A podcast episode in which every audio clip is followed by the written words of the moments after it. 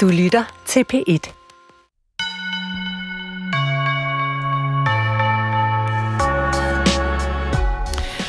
Bodil, blev du øh, overrasket, da øh, Abdul Razak Gurna fik Nobelprisen i litteratur sidste år? Jeg ville ikke tro det, da jeg hørte det. Jeg sagde, hvem? Ligesom hele verden gjorde det, eller dem, der vidste det. Jeg blev så overrasket, at jeg tænkte, det kan ikke passe, og så kom jeg til at grine, fordi jeg synes, det var så sjovt. Og hvorfor kunne det ikke passe, tænkte du? Fordi han, øh, altså han har aldrig været i spil. Øh, han han øh, er kendt i England og sådan engelsktalende, dem der interesserer sig for postkolonial litteratur, men øh, han er slet, slet ikke kendt i Danmark. Skønt. To af hans bøger var oversat allerede i 80'erne og 90'erne, og han fik en dansk øh, skønlitterær pris, der hed Aloha-prisen. Øh, og der var en del opmærksomhed øh, omkring ham ganske kortvarigt.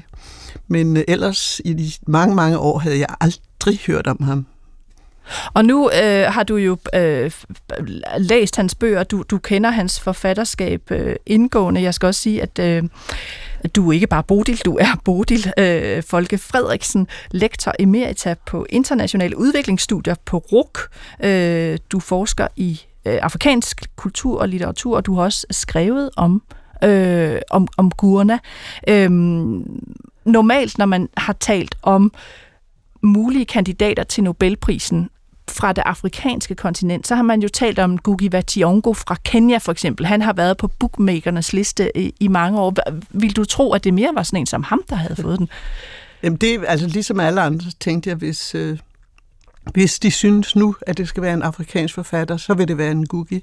Og han er en fantastisk forfatter, så altså også kvalitet, ikke bare sådan politisk, men han er en, en vildt eksperimenterende forfatter. Han er, hvad skal jeg sige, altså mere modig, mere øh, avantgarde, mere, på en måde mere interessant end Gurna, øh, fordi blandt andet også fordi han skriver på sit modersmål, til dels og på engelsk og oversætter sine bøger fra det ene til det andet.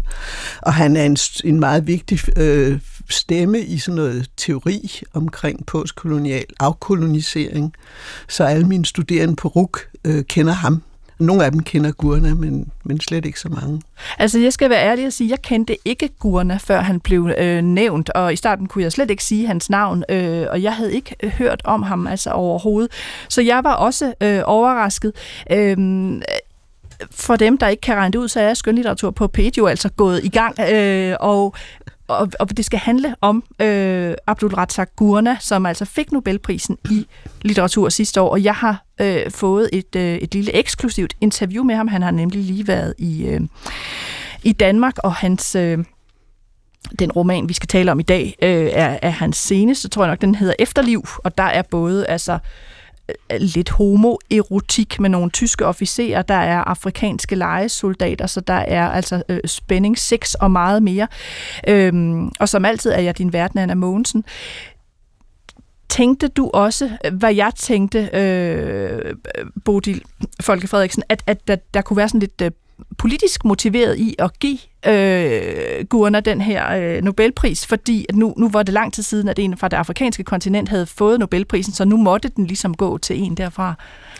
Ja, altså jeg ved ikke, om, om det ligesom er, om man må sige sådan noget med, at det her fine akademi i Sverige, at de var lidt drillesyge. Altså, de tænkte, jamen det er rigtigt, det er på tide, der kommer en forfatter fra et afrikanske kontinent, men vi orker ikke at give det til Ngugi wa Thiong'o, fordi det regner alle med.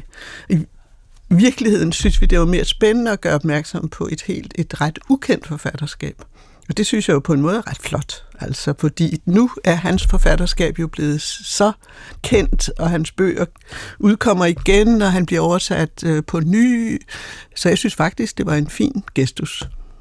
Men kan der også være noget om, at, at han er en forfatter i tiden? Altså han har jo skrevet om de samme emner i, i mange år. Han øh, debuterede i 1987. Vi kan vende øh, tilbage til lidt af hans biografi lige om lidt. Men, men han har jo skrevet om, om blandt andet det her med at være flygtning og øh, immigration, øh, stå på tværs af kulturer. Det, det er temaer, der har optaget ham fra begyndelsen. men det er også temaer, der på en eller anden måde er super aktuelle lige nu. Så kan der også være noget med, at han, hans øh, temastreg krydser den sådan store tidsstreg lige i de her år, og det er derfor, at, at han har fået den. Det tror jeg, du er ret i. Altså, øh, helt, helt på anden måde end øh, Ngugi øh, skriver han om ting, der nu er oppe i tiden. Det var det jo ikke specielt i, i 80'erne, øh, men det er det nu, så jeg er sikker på, at øh, det har været med. Og jeg mener, det, det er fuldstændig rigtigt, at øh, for europæere, så er han langt mere hvad, hvad skal man sige, altså til, til at gå til. Øh, altså man kan genkende alverdens ting i hans forfatterskab, temaer og skæbner, og mens det kan være vanskeligere med, med sådan en som Gugi Bationgo, som skriver om nogle helt andre ting, og meget om det afri- afrikanske kontinent øh, i sig selv, uden den store interesse måske. Ja, det, det har vi vist ikke tid til at gå ind i, men, men yes, jeg tror, du har helt ret i det. Så lad os øh, sætte lidt, øh, lidt, øh, øh, øh, lidt biografi øh, på. Altså, da øh, Gunnar var i København her forrige uge, fik jeg altså 25 minutter med ham på forlaget. Det er i sig selv ikke lang tid, men jeg må også bare sige, at han, altså, han virkede træt. Øhm, og øh, det kan jo dels skyldes, at han er 73 efterhånden, men det kan vel også skyldes det her med, at han øh, er blevet revet rundt i managen af samtlige forlæggere og, og litteraturforskere, efter han fik øh, prisen. Han, han kom fra øh, noget øh, litteraturarrangement i Norge. Du hørte ham om aftenen på International Forfatterscene i København, hvor han blev interviewet af Carsten Jensen. Øh, hvordan var han der? Han var meget reflekteret, han var tænksom, han var lidt langsomt, øh, han hørte utrolig opmærksomt efter spørgsmålene, som Carsten Jensen stillede, og så gik han ellers øh, i kød på ham og korrigerede mange af Carsten Jensens opfattelser og hans fortolkninger. Så det var vældig interessant, men det, hvad skal jeg sige, det var ikke spektakulært, men han, han er en, en stille, rolig mand, vil jeg jo tro. Øh, sådan virkede han tænksom og, og, og øh, modig også, altså helt klar over, hvad han selv synes, og hvad der er vigtigt, og hvad der skal frem, og helt klar til at korrigere dem, der ikke har forstået det helt ordentligt. Bortset fra, at han jo så sagde, at ja, men altså, det er jo op til læserne, det er op til jer, øh, hvordan I fortolker mine romaner. Men han gjorde dog opmærksom på øh, nogle ting, hvor han synes, at øh, det, de blev måske læst forkert i denne del af verden. Altså blandt andet fordi folk ikke kender alle de der meget sådan differentierede sociale lavdelinger, der er i et samfund som det her østafrikanske, som det handler om. Det handler om Swahili-kysten, både det nuværende Kenya, Tanzania, Mozambique sådan set også. Øh, og det er jo lige så komplekse samfund som, som vores samfund.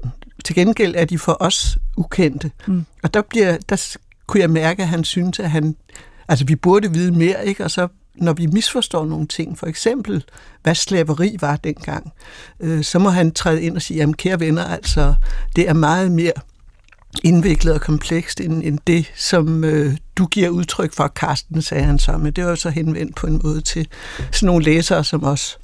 Og jeg må ærligt indrømme, at jeg også måtte sætte mig ind i en del ting, og det var ikke bare om, hvordan de samfund, han beskriver, eks, altså eksisterer med, med sociale lag osv., men det var også bare hele kolonihistorien. Øh, og, og, og hvilke koloniherrer havde hvilke dele af, af, af Afrika, og, og hvad talte man, og hvordan øh, kunne den her kolonialisering finde sted. Øhm, lad, os, lad os lige sætte lidt øh, biografi på. Altså, øh, Abdul Razak Gurna er født på Zanzibar. Og der har han boet, indtil han har været sidst i teenageårene, 18-19 år, så øh, har der været en, en form for revolution på, på Zanzibar, øh, som har gjort, at han måtte øh, flygte, og så rejste han øh, til England. Og her øh, begyndte han at studere. Jeg har også hørt i et interview, at han også ernærede sig med nogle sådan meget lavstatusjob. Han gjorde blandt andet rent på et hospital. No. Og øh, det har jeg tænkt, at man, at man godt kan mærke i hans øh, bøger, for der er meget optagethed af sygdom og krop. Mm. Så, så noget er kommet med der. Øhm, han er han blev professor i engelsk og, og postkolonial litteratur ved Kent Universitet. Så har han skrevet 10 romaner og debuterede altså i 87 hvis du skulle sige, hvad, hvad er en klassisk øh, Gurna-roman? Altså, hvad får man, hvis man samler en roman op øh, af ham? Huha. Altså, man, man får en, en virkelig øh, differentieret indsigt i, hvad det var for nogle samfund. Altså hvis man ser på, på hans historiske romaner, øh, så får man virkelig anderledes forståelse end, end sådan bare en, hvad skal jeg sige, forenklet koloniundertrykkelseshistorie, fordi han gør utrolig meget ud af at beskrive de mange, altså de mange øh, grupperinger, som sameksisterer øh, i det der område. Og det er jo så folk af arabisk øh, øh oprindelse, det er indre, det er så kolonisatorerne, det er det, han kalder, eller det, der kaldes Swahili-befolkningen, og de, den sorte afrikanske befolkning, dem, der er i det indre. Øh, og hele, hele det der øh, kæmpe, den region, øh, den der er jo præget af en virkelig en, en seriøs blanding af kulturer. Og så er det jo en, en handelsregion, altså den har jo drevet handel over det indiske ocean i årtusind, ja, mindst. Så der har været stadig trafik, øh, også helt fra Kina, og sådan, så det er en voldsomt øh, blandet øh, og jo utrolig interessant region på mange måder. Så det får man, den, man får en forståelse for, for den øh, kulturplanning. Og så har han nogle meget, meget fine karakterer. Øh, han har nogle skønne karakterer. Tit er det nogle unge drenge, som ligesom man følger deres modning og den øh, måde, de prøver at navigere i de her indviklede samfund. Nogle er, er lidt sådan nu tør jeg ikke sige slave, men noget slavelignende oprindelse. Øh, og i den, hans mest berømte roman, Paradis, der følger man en dreng, der hedder Yusuf, som er blevet pansat af sin far til en rig slags onkel, øh, og der skal drengen ligesom, øh, ja, han skal arbejde for onklen, øh, og måske engang kan han blive fri igen, men sandsynligvis ikke. Hans skæbne følger vi. Og i det hele taget er der i hans bøger, der er mange unge drenge, unge mennesker, som man følger igennem øh, virkelig voldsomme begivenheder, men også øh, man følger også deres kærlighedshistorier og deres tanker, deres refleksioner.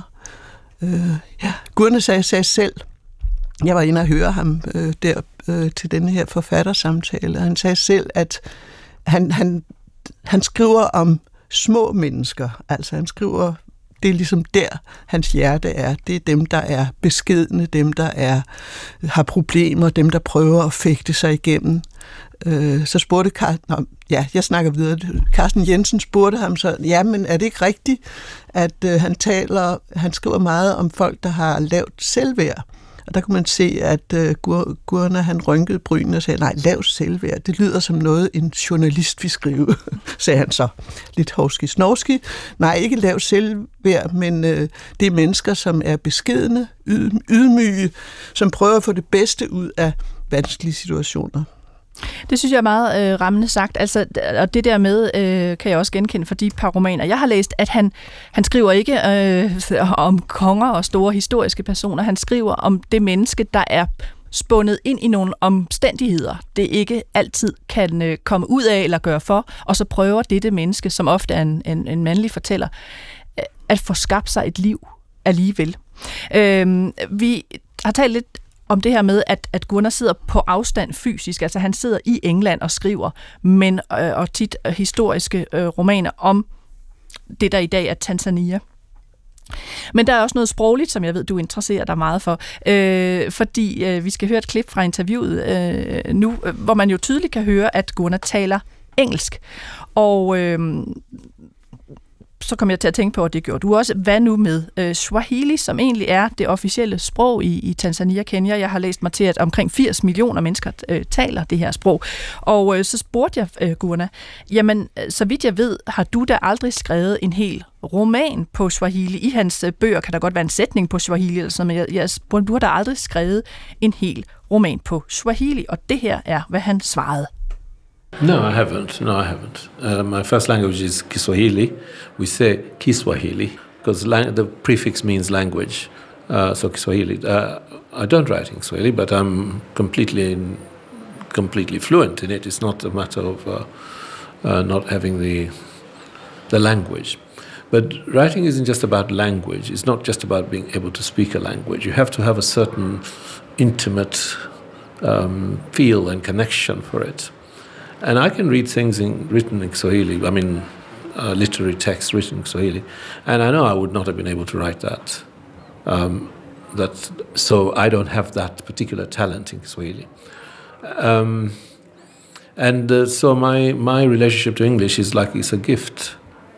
I have this relationship with English. I not only enjoy writing in English, but I am able to express myself in it in a way that satisfies me and satisfies others. It seems. Um, so that's why I do it. I, it's a it's a piece of luck that came with colonialism, for example, an unintended benefit. but there you are. There it is. It cannot be taken away, uh, and I don't want to give it up. Ja, jeg oversætter bare lige lidt af det. Altså, øh, Gunnar siger, nej, jeg har ikke skrevet en, en roman på, på øh, Swahili. Det er mit modersmål. Og så siger han, vi siger i øvrigt også Kiswahili. Altså det her præfiks, det der lille ki, der står foran, det betyder sprog på Swahili, siger han. Øh, og så siger han, jeg skriver ikke på det, men jeg er flydende i sproget. Men man skal også forstå, når man skal skrive på et sprog, så skal der nærmest være en intim forbindelse med sproget, siger han. Jeg kan godt læse litterære tekster på, på Kiswahili, men så ved jeg, at jeg vil aldrig selv kunne skrive sådan. Og så taler han om sit forhold til engelsk, og siger han, uh, it's a gift, altså det er en slags, øh, det kan jo både betyde gave og evne, uh, men på engelsk kan han altså udtrykke sig, så det tilfredsstiller ham selv, siger han, og andre. Og så slutter han af med at sige noget ret interessant. Han siger, jamen det er jo noget af det, hvad skal man sige, heldige, der kom ud af, af kolonialismen. Uh, han kalder det for en unintended benefit, altså en, et utilsigtet gode, øh, som han fik med sprog. Et utilsigtet gode, og det vil han ikke give køb på nu, altså det engelske.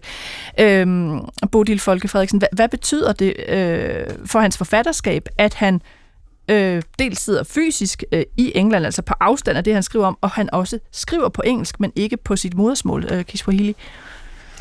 Jamen, det er jo, det er jo vildt interessant. Altså, øh, Altså, det, da du spurgte før, hvad får man, når man læser en Gurner-roman, så, sagde jeg, så talte jeg om de der historiske romaner, såsom Efterliv og Paradis. Øh, men der er jo så en tre-fire romaner, som er meget eksilromaner, eller romaner om mennesker fra øh, den del af verden, som kommer til England eller til Tyskland. Øh, og, og det er klart, at det, at han befinder sig i England, og han har gennemlivet gennemlevet den tilværelse, det, det, det afspejler sig jo øh, i de romaner, så det er en ting. Men det andet, det er det der med sproget, hvor, hvor han jo er fuldstændig, altså han er jo, skriver jo det smukkeste engelsk, og han taler det smukkeste mm. engelsk, øh, og man kan mærke, hvordan han synes, det er dejligt. Men altså i bøgerne, der kan man også se, at han synes, at Kiswahili er dejligt, fordi han bruger det, alhamdulillah, altså han bruger det som musik, øh, og det, det har han jo mistet på sin vis, ikke? og det, det forstår man godt.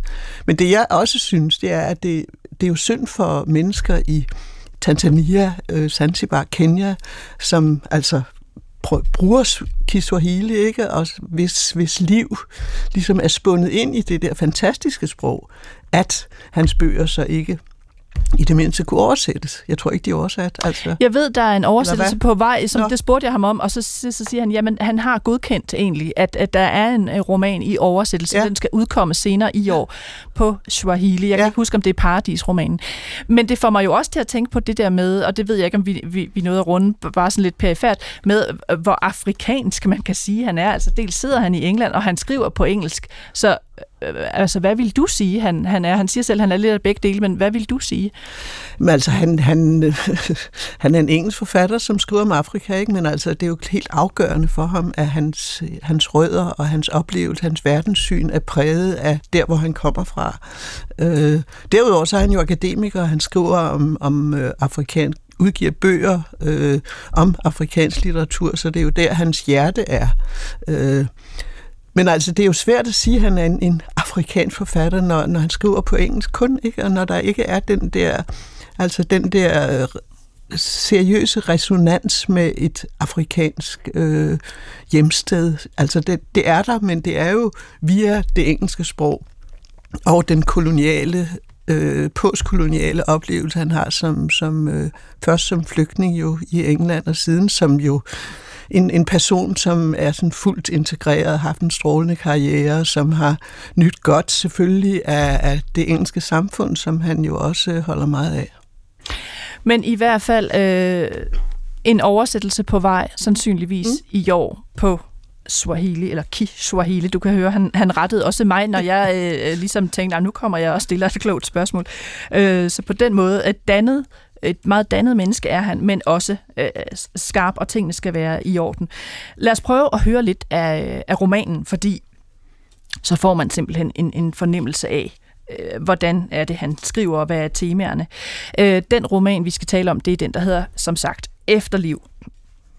Og øh, øh vi er i Østafrika, altså det, der hedder øh, noget af Tanzania i dag. Det er begyndelsen af 1900-tallet.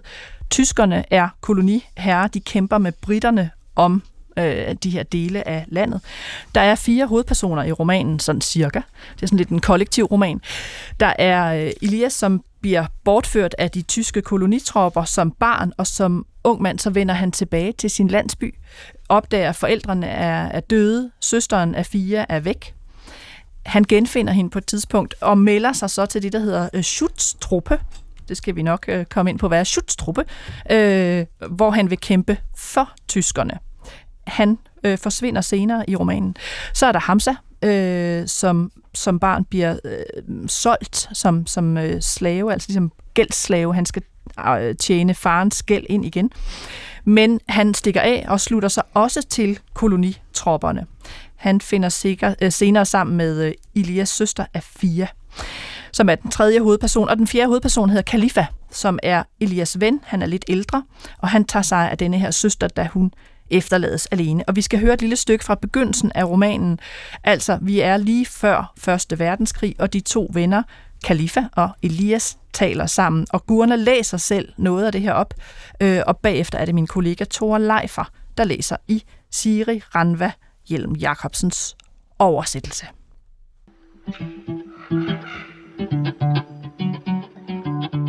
The two men took to meeting late in the afternoon.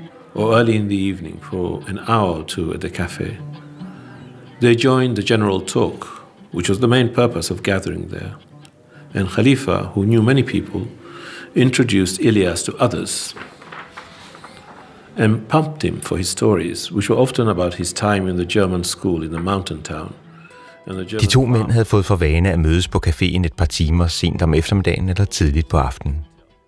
De deltog i småsnakken, hvilket var hovedformålet med at mødes der, og Khalifa, som kendte mange i byen, præsenterede Ilias for andre og lokkede historier ud af ham, der ofte handlede om hans tid i den tyske skole i bjergbyen og om den tyske plantageejer, som var hans velønder.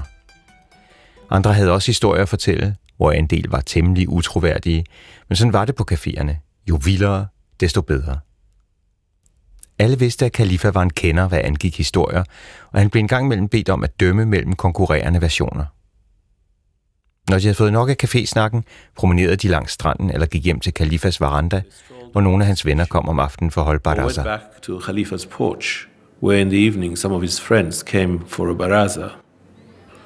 They were preoccupied at the time with rumors of the coming conflict with the British, which people were saying was going to be a big war, not like the small ones before against the Arabs, and they were Swahili, and they were Hehe, and they were Nyamwezi, and the Wameru and all the others.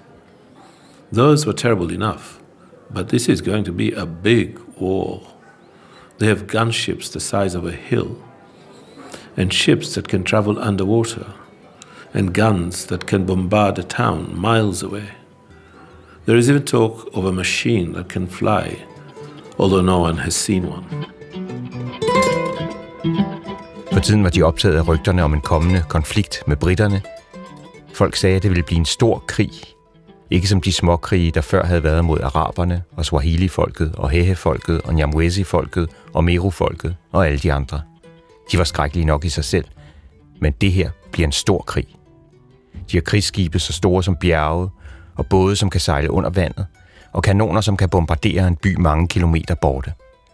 Man taler til og med om en maskine, der kan flyve, selvom ingen har set sådan en. De har ikke en chance, britterne, sagde Ilias, og en enig mumlen gik gennem gruppen. Tyskerne er dygtige og begavede folk. De kan organisere, de kan slås, de tænker på alt. Og så er de ovenikøbet meget venligere end britterne. Hans tilhører brølede af latter. Jeg ved nu ikke med venligheden, sagde en af eksperterne på caféen, en mand, der hed Mangungu. Som jeg ser det, er det deres strenghed og de nubiske og nyamwesiske askariers brutalitet, som kommer til at gøre kul på britterne. Ingen er så streng som en tysker. Du ved ikke, hvad du taler om, sagde Ilias. Jeg har ikke mødt andet end venlighed fra dem. Hør lige, bare fordi du har mødt en flink tysker, ændrer det ikke på alt det, der er sket her gennem årene, sagde en anden mand, Mahmudu. I løbet af de godt 30 år, tyskerne har været besættelsesmagt her, har de dræbt så mange mennesker, at landet flyder med kranier og knogler, og jorden er mudret af blod. Jeg overdriver ikke. Jo, du gør, sagde IF.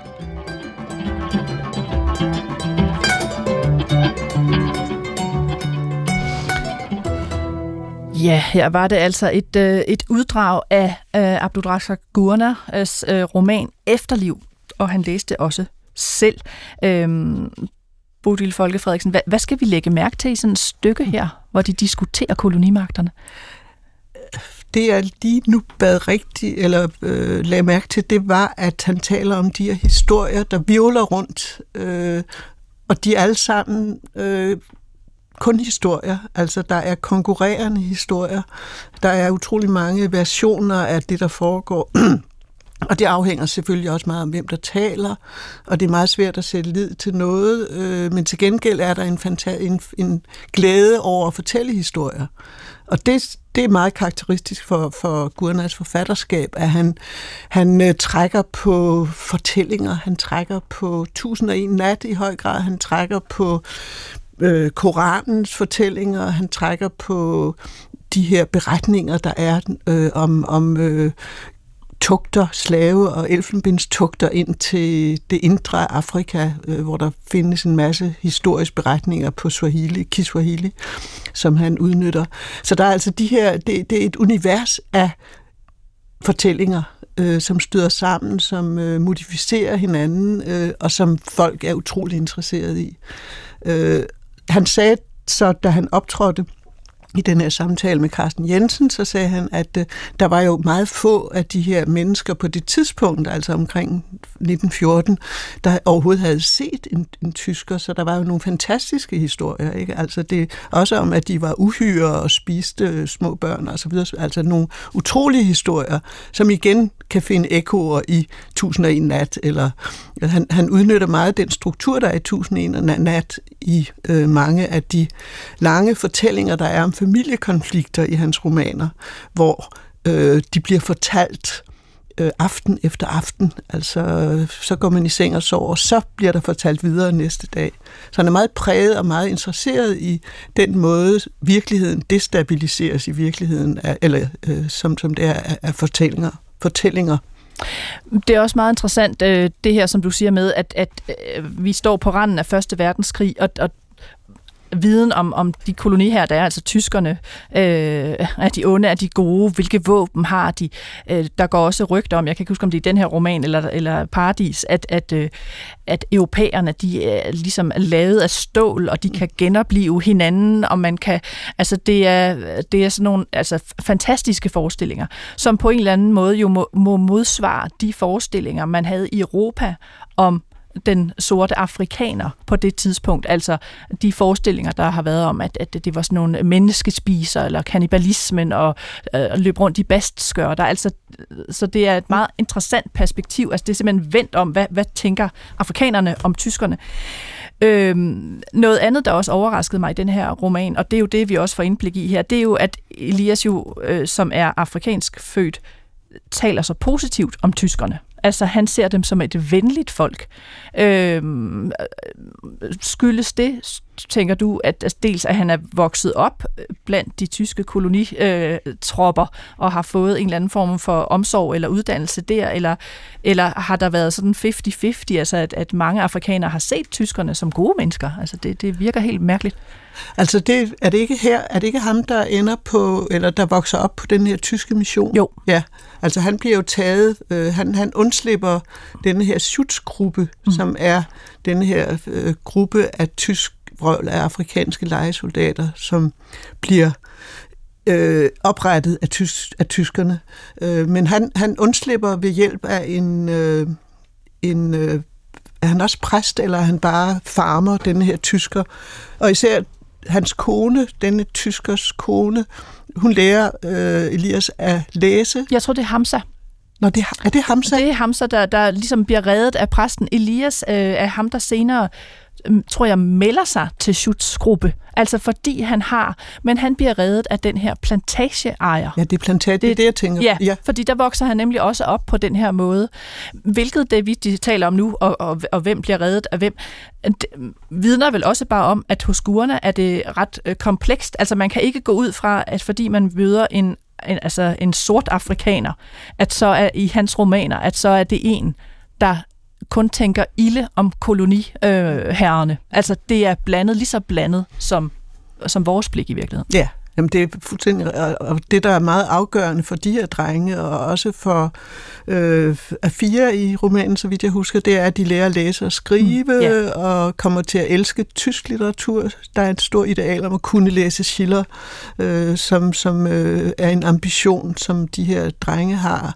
Øh, så, så på den måde så er alfabetisering, som jo bliver drevet helt systematisk, altså missionerne, det er, det er et kernepunkt. Ikke? Altså det, det kan man jo ikke tage afstand fra. Altså, det, det, det er der måske nogen, der gjorde, ikke? men altså, det er jo et klart, øh, det er jo en klar, et klart gode, som er forudsætningen for, at, at, øh, at man kunne udnytte de muligheder, der var i en øh, modernisering. Ikke? Altså, der er jo også meget tale om jernbanen. Øh, det er måske især i paradis, hvordan jernbanen, den nyetablerede jernbane, den fører øh, de her mennesker, der er på handelstugt og sådan noget, ind i landet. Øh, og det er jo voldsomt øh, fremskridt, at man kan bevæge sig fra det ene til det andet øh, med de her opfindelser.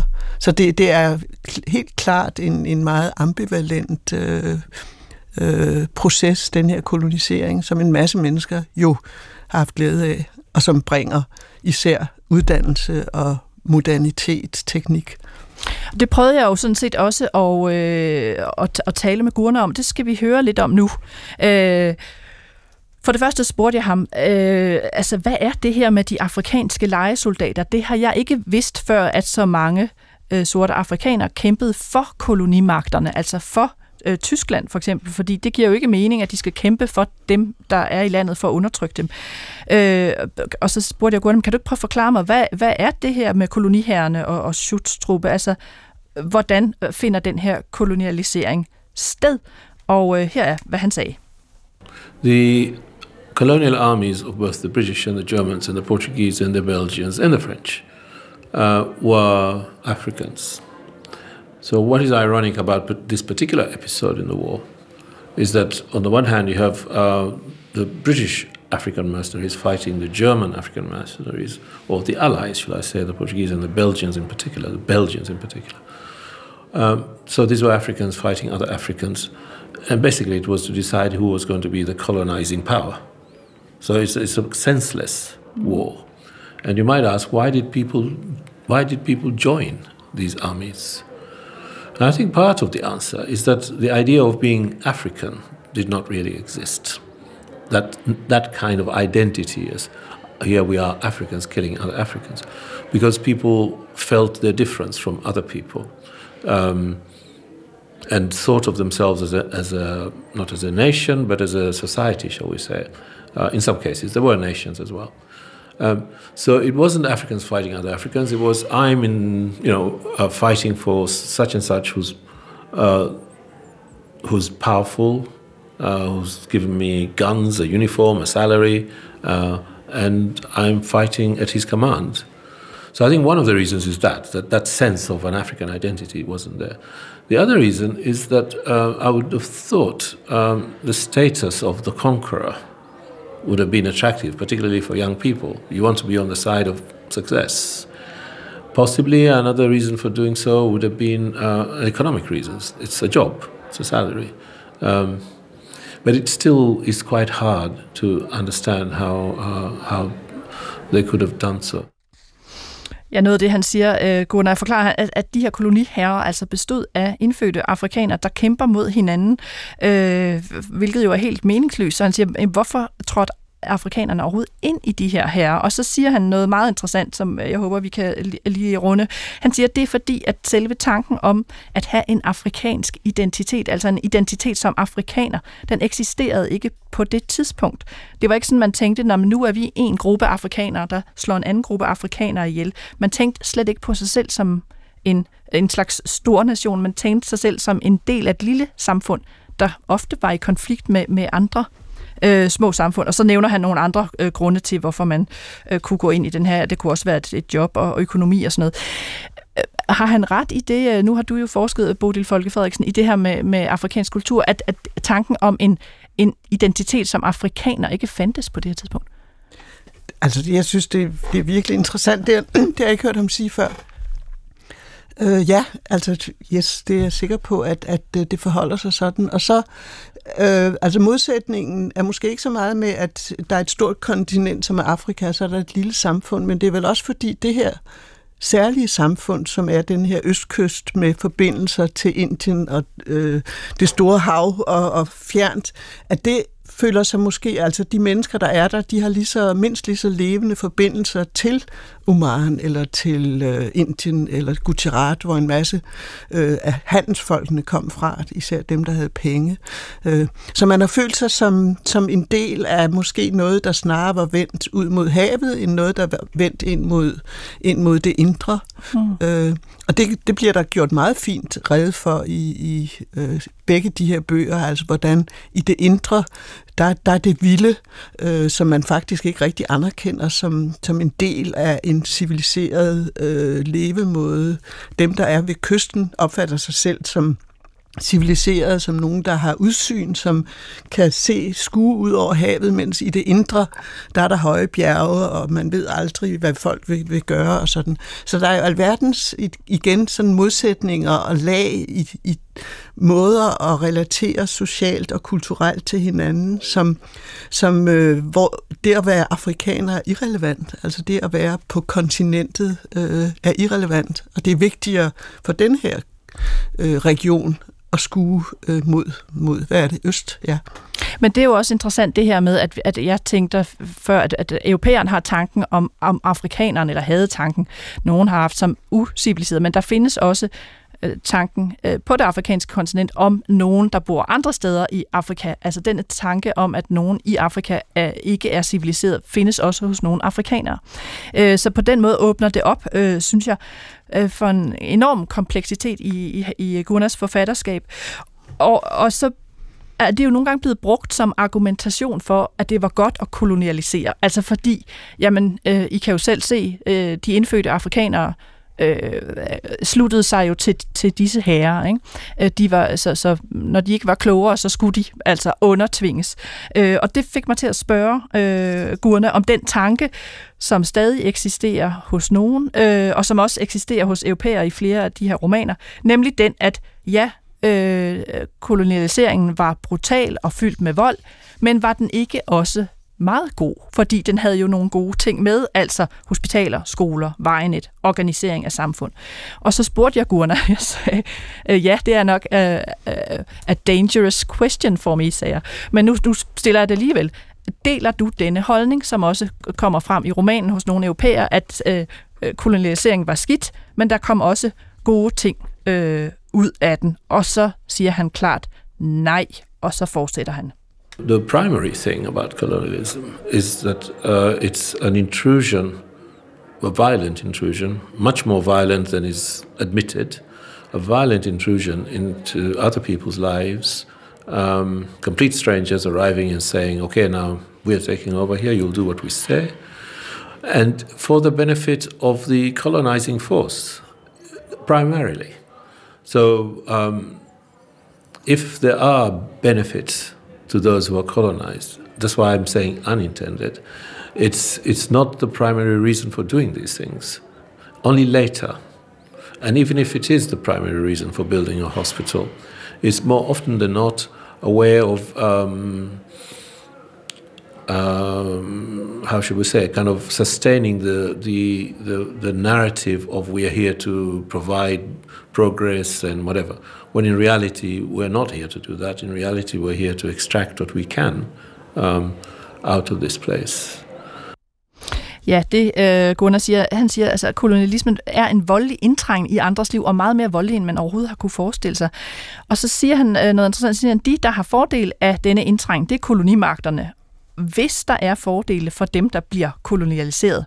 eller koloniseret, så er de, og så bruger han det udtryk, han brugte før om det engelske sprog, så er det unintended benefits, altså det er utilsigtede fordele. Det er aldrig fordele, som kolonimagterne har ønsket, at de oprindelige beboere i landet skulle have.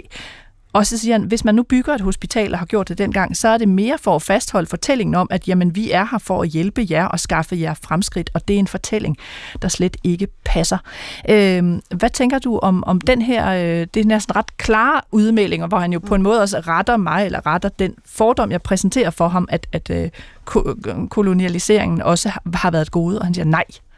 Altså jeg synes, øh, det jeg hører lægger mærke til, det er, at han, han, øh, han taler om, at det er meget voldeligt. Altså det er en voldsom ting, der voldsom indgriben, og den er voldelig både fysisk, øh, materielt, men også øh, kulturelt åndeligt. Han havde en formulering i det her, den her samtale, som, som var rigtig spændende, hvor han sagde, at øh, Hidtil han talte specielt om paradis, øh, om, om de her samarbejder, der var mellem bes- forskellige befolkningsgrupper, indiske, arabiske, afrikanske, swahili, i de her ekspeditioner til det indre, hvor folk talte sammen, de skændtes, og de øh, var samtidig op og slås, og de øh, snakkede og snakkede og snakkede for at finde ud af tingene, fordi de blev nødt til at samarbejde. Så de havde samtaler. Det er også det, han øh, Mm. Vi hørte i den her, det her pluk om Barasagen, om at man sad og snakkede om de her mærkelige tyskere. Så der var en, en meget levende samtale, og så sagde øh, Gurnat øh, i den her samtale med Carsten Jensen, og da kolonisationen eller kolonisatorerne kom, så var den samtale slut. Så tænkte jeg, hosa, altså det, det er også et voldeligt indgreb, altså at magten, overmagten var så stor, øh, og den revolution, omvæltning, der, fulgte med, den var så altså uoverskuelig, så folk blev tavse. Altså, der var ikke mere at sige, fordi overmagten var, øh, kunne man ikke øh, kæmpe mod synes jeg er enormt øh, interessant, og det leder på en måde øh, meget godt op til det næste stykke, vi skal høre fra romanen, som på en måde handler om, skal vi sige, envejskommunikation. Det bliver meget tydeligt. Øh, og nu skal vi til det her lidt homoerotiske, jeg jo spottede for tidligere, fordi der er et meget sært forhold i romanen mellem den unge øh, indfødte afrikaner Hamza, øh, som arbejder for tyskerne. Altså han stikker jo af hjemmefra, fordi han er blevet solgt som gældsslave, og så øh, kommer han ind i den her øh, tyske her, og han får et meget særligt forhold til en tysk officer, som lærer ham tysk, øh, og måske gerne vil have noget mere af ham. Altså så her smelter sådan sprog, magt, øh, kolonialisme, blik, seksualitet sammen i det her stykke, vi skal høre øh, nu oplæst af min kollega Tore Leifer.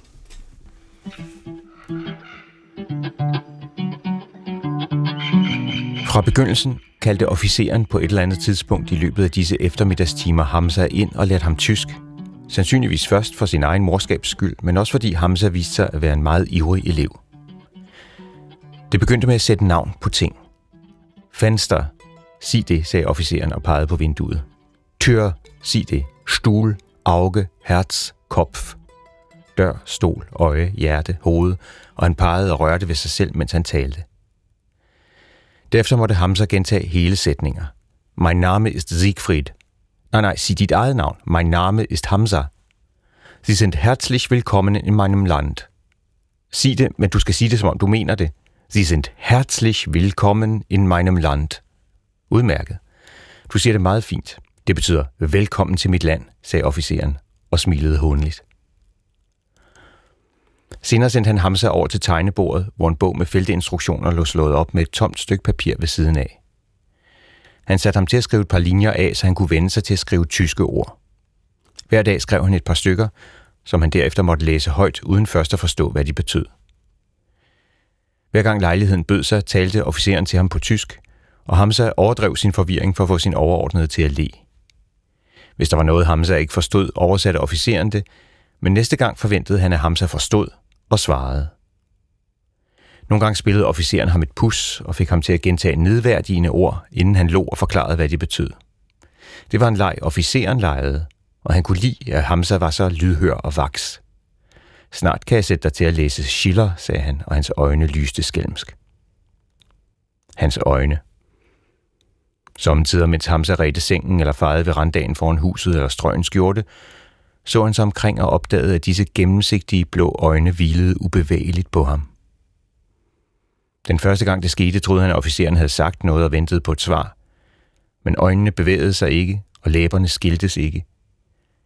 Hamza fjernede sig forvirret, bekymret over det intense blik. Han begyndte at fornemme en bestemt stillhed nogle gange, når han var i nærheden af officeren, og han vidste, at hvis han kiggede, ville han se dette blik hvile på ham på samme måde. Det var en grov og påtrængende inspektion, og han havde ikke andet valg end at lade sig beglo, at lade sig beskue, uden at gengælde blikket. Han lærte ikke at kigge.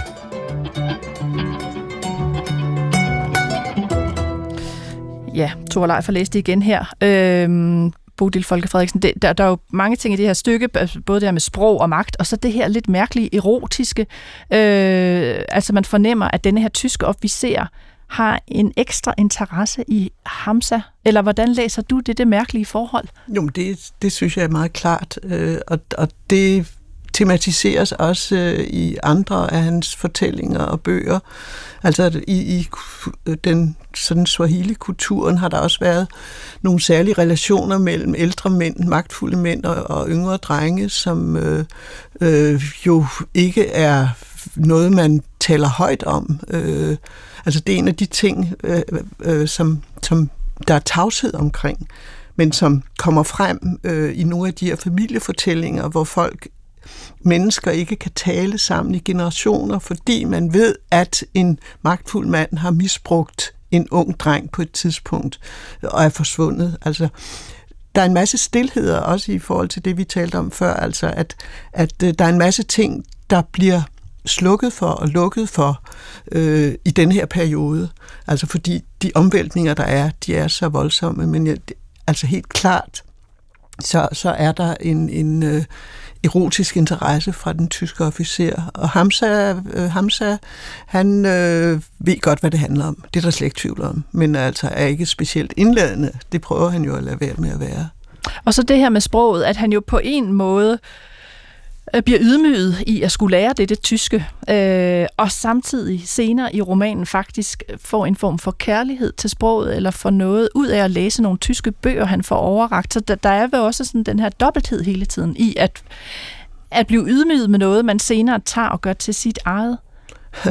Ja, altså det, det er jo en, hvad skal man sige, en, en der følger skam med, tror jeg, med, med forholdet til kolonimagten og forholdet til at ville få det bedste ud af det, kolonimagten kommer med. Altså det, det er uundgåeligt, og i virkeligheden er der utrolig mange attraktive ting ved det, men samtidig er det måske en, en skamfølelse, som i det her tilfælde så bliver tematiseret med, at det er sådan en erotisk øh, forbundet skamfølelse øh, uhyre øh, kompleksitet, og, og, og, og vi kan ikke nå altså, sådan at sige, hvordan det går med alle fire karakterer her i, i efterliv, men der, der, der sker, altså, deres veje krydses på alle mulige måder, og man følger nogle af dem helt op, øh, altså efter øh, 2. verdenskrig også. Øh, en, en anbefaling herfra. Jeg synes, vi skal runde af ved at bevæge os op på sådan lidt et metaplan, øh, og, og tale om, hvordan bliver Gurnas forfatterskab så læst øh, og, og opfattet på. Jeg, jeg vil gerne spille et lille klip fra dig, for dig og for lytterne fra den dag, hvor det blev offentliggjort, at han skulle have Nobelprisen. Og, øh, og der er bare lige sådan her 20 sekunder, hvor begrundelsen kommer med. Prøv lige at lytte en gang. The Nobel Prize in Literature for 2021 is awarded to the novelist Abdul Razak Gurna, born in Zanzibar, active in England, for his uncompromising and compassionate penetration of the effects of colonialism and the fates of the refugee in the gulf between cultures and continents. Ja, det her med, øh, at, at Gurna skriver om, om øh, altså, konsekvenserne af øh, kolonialismen og, og, og det her med flygtningens skæbne og det her med at stå øh, over flere kulturer. Da jeg sad og så mange interviews igennem og læste dem igennem, så tænkte jeg, at det er nogle gange som om Gurna bliver taget som sådan en slags ufrivillig repræsentant for hele det afrikanske kontinent. Han bliver spurgt om det ene og det andet mm. rent politisk.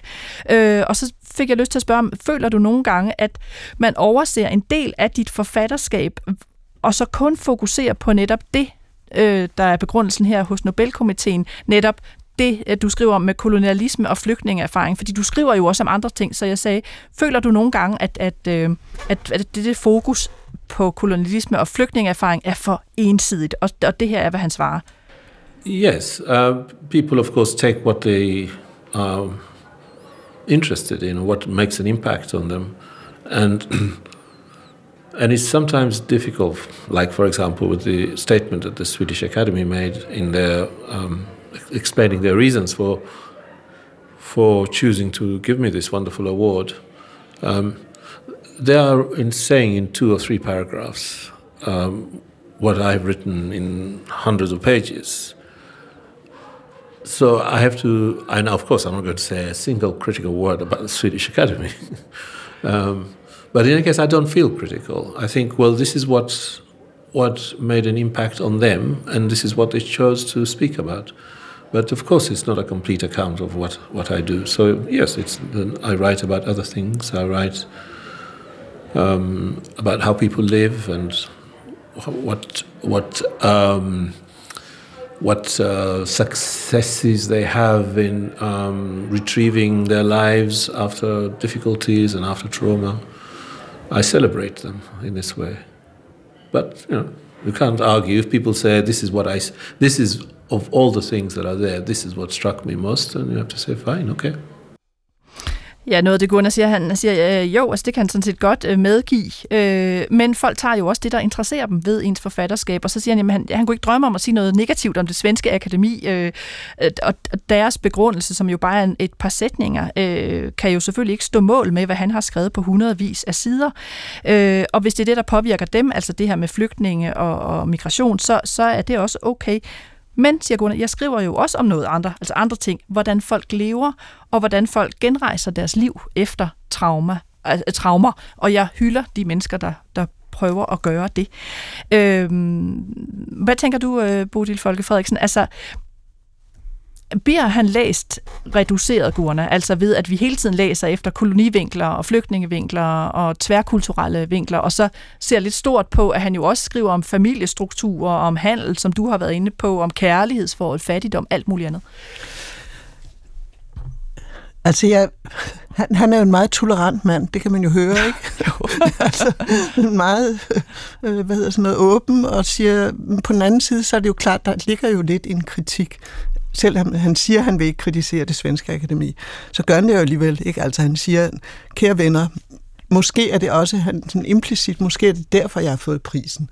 Men i virkeligheden, så synes jeg, det er rigtigt, det du siger, at, at, øh, at hans, hans romaner er jo øh, de der tema, men, mellemmenneskelige relationer er virkelig centralt. Og det han siger, og sagde også i den samtale, øh, jeg hørte, at, at øh, det folks aspirationer, deres håb, det de får ud af, retriever, siger han, det de får ud af kan trække ud af vanskelige situationer, og den måde, de så laver deres liv, deres værdige, spændende, øh, tumultariske liv, det, det interesserer ham. Så han er meget interesseret i relationer mellem kønnene, han er meget interesseret i sociale relationer. Øh, han har skrevet en bog om en, en, kvinde, en kvindelig hovedperson, der hedder Dottie. Desværre ikke nået at læse den, men den, den handler om en, et ganske bestemt samfund i Storbritanniens, hvor immigranter fra, fra den region, øh, Østafrika, har været der i generationer. Og kalde dem flygtninge eller eksilerede, det, det vil ikke passe ham. Han er interesseret i deres specielle måde at forvalte deres liv på baggrund af den historie, de har haft. Og at hylde dem. Det er jo det, han gør mm. med, med hverdagens mennesker. Han, han hylder dem, de er beskedende, de er smukke, de er sjove, de har nogle voldsomt dramatiske liv, som det er virkelig sjov at læse om i hans forfatterskab. Jeg tænkte jo også på, at man, det er jo ikke sådan, at man for eksempel afkræver Louise Glick, som jo fik øh, Nobelprisen mm. året før, øh, sådan en masse holdninger om samtidens Amerika, eller øh, øh, Amerikas øh, hvad, hvad skal man sige, interne stridigheder øh, og, og sådan alt muligt. Der taler man jo med hende om kunsten, altså hvis man overhovedet kan få hende i tale. Øh, hvilket leder mig til nok det sidste spørgsmål, vi på en eller anden måde kan nå i dag er, er Gurner en, der nu kvæg den her Nobelpris øh, bliver sådan varig i den litterære kanon, eller vil interessen for ham fade igen, når vi ikke længere interesserer så meget for kolonifortid og, og, og, og tværkulturelle fænomener osv.? Hvad, hvad tror du? Jeg tror, han er permanent. Altså, jeg tror, hans øh, vi og også jeg selv har fået øjnene virkelig op for hans forfatterskab, og det er, det er store kvaliteter, det er meget smukt øh, skrevet, øh, øh, det er virkelig interessant, fordi det levende gør regioner, altså når man tænker på, altså for os, som bor her ikke, i det kolde nord, det levende gør regioner, som vi ikke kender voldsomt meget til. Og så har det den der fantastiske udsyn, som de østafrikanske mennesker havde over havet til resten af verden, så det er også meget et globalt, øh, øh, meget smukt, øh, krydret, dejligt forfatterskab, som jeg tror bestemt det er permanent, lige så permanent som Gugi wa som så ikke fik prisen. Det kan være, han, han er når det, og jeg vil sige, at jeg er enig med dig. Det har været en, en fornøjelse også at opdage det, det forfatterskab. For mig nu håber jeg bare ikke, at, at Gurna bliver sådan slidt helt op af at blive trukket rundt i denne Nobel-manege. Øh, han er 73, som sagt. Han skal gerne kunne nå at skrive nogle flere bøger. Øh, jeg vil sige mange tak til dig, øh, Bodil Folke Frederiksen. Det var en fornøjelse, du var med. Tak.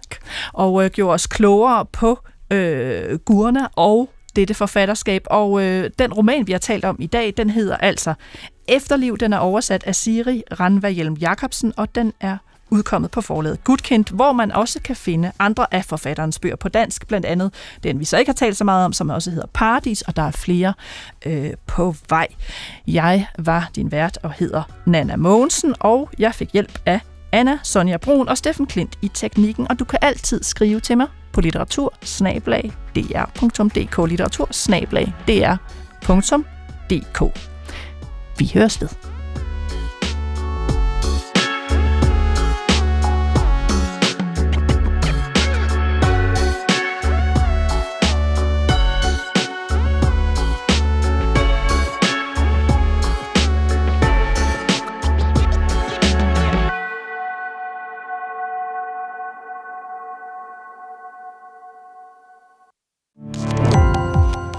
Gå på opdagelse i alle DR's podcast og radioprogrammer. I appen DR Lyd.